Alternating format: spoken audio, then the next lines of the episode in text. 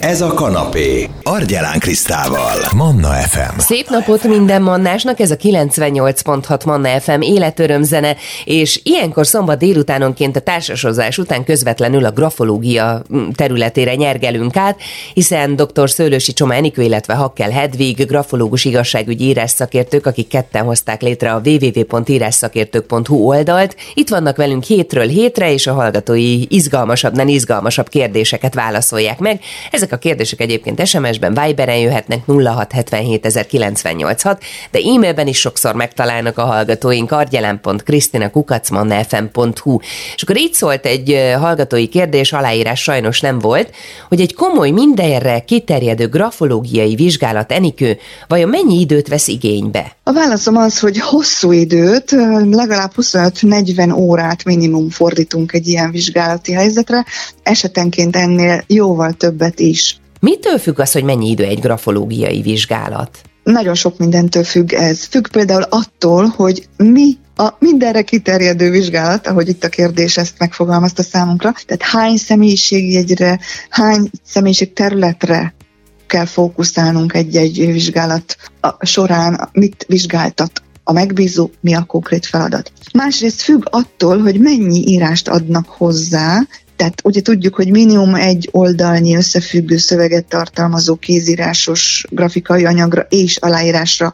és az etikai hozzájáruló nyilatkozatra szükségünk van, de gyakori, hogy nem csak egy íráskép a vizsgált tárgya, hanem, hanem több írásmű is. Ez nyilvánvaló, hogy a ráfordított időt meg fogja növelni, hiszen ezeket az írásmintákat szakszerű kezelés mellett meg kell mérnünk, meg kell vizsgálnunk, ellenőriznünk kell azt is, hogy ez kéztől valók-e, tehát ugyan annak a személynek a kézírásai-e. Tehát ez mind-mind időt igénylő tényező, ezért hatással van erre. Mi az, ami még befolyásolhatja, hogy mennyi időt vesz igénybe egy elemzés elkészítése? A harmadik paraméter, ami ami miatt nem tudunk egyértelműen pontos időt behatárolni, hogy meddig foglalkozunk egy feladattal. A harmadik ilyen függő tényező az, hogy mennyire gyakorlott az a konkrét feladaton dolgozó szakember. Nyilván, aki kezdő és még kevés a rutinja, valószínűleg sokkal több időt kell, hogy ráfordítson egy-egy mérési folyamatra, mint az, aki már hosszú idő óta ezzel foglalkozik, és, és szinte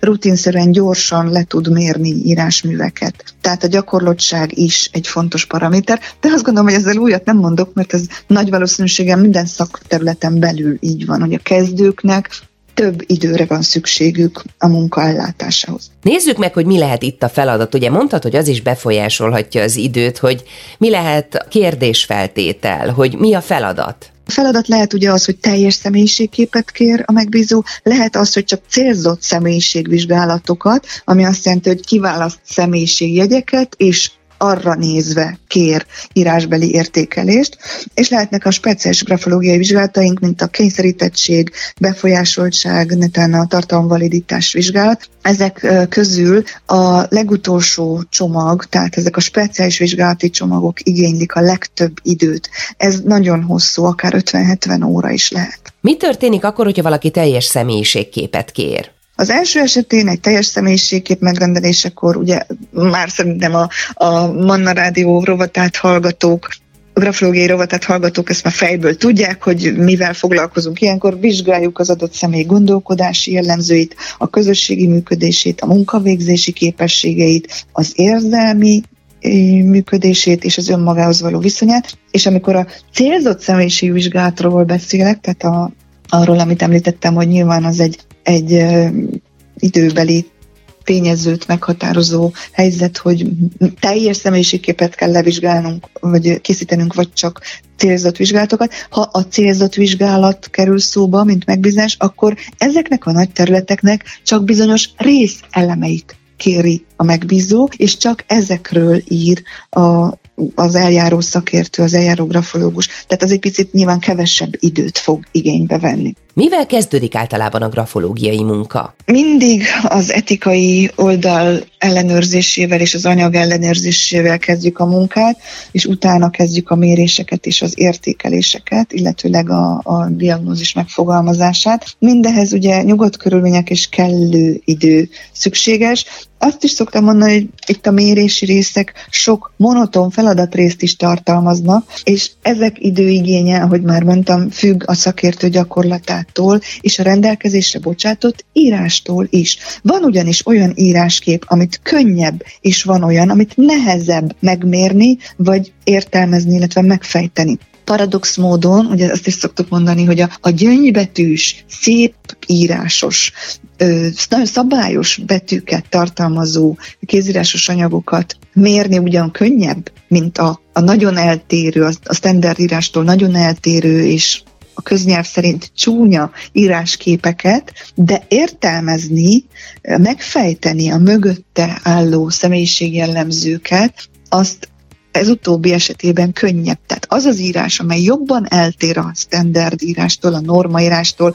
a gyöngybetűs írásképtől, az több információt ad az elemző szakember számára, tehát azt egy picit könnyebb feldolgozni. Mennyire vagytok biztosak amúgy az eredményben? Ez mennyire vehető készpénznek? Úgy gondolom, hogy fontos azt hangsúlyozni, hogy a grafológusok a megfelelő szaktudás birtokában körülbelül 90-95%-os megbízhatósággal dolgoznak, Azaz a felkészült és jól képzett grafológus etikusan és szakmai helytállósággal képes letenni a szakvéleményét, és ez azt jelenti, hogy az ilyen grafológiai szakvélemények eredményei az ugyanarról a szeméről készült pszichológiai teszt eredményekkel párhuzamban álló eredményeket hoznak. De nagyon fontos, hogy soha nem ránézésre diagnosztizálunk, nem látunk át senkin azonnal, senkinek az írásán nem tudunk azonnal úgy eligazodni, hogy abból egy, egy teljesen valid, hosszú szakértői vélemény elkészülhessen. Időt kell szánni az alapos elemző munkához. Tehát a kérdező kérdésére remélhetőleg adtam választ. Lehet, hogy nem erre a egészen hosszú válaszra gondolt, hanem csak egy konkrét óraszámra, de úgy gondolom, hogy itt a keretszámok összességében segítik a tájékozódást. Tehát egész biztos, hogy az alapos grafológiai jellemzésre hosszú-hosszú munkaórákra van szükség, ahogy itt most végig beszéltük. Köszönöm szépen. Nagyon szépen köszönöm. Dr. Szőlősi Csománikő grafológus igazságügyi szakértő volt a beszélgető partnerem itt a Manna fm és arra a kérdésre kerestük a választ, hogy egy komoly, mindenre kiterjedő grafológiai vizsgálat mennyi időt vesz igénybe.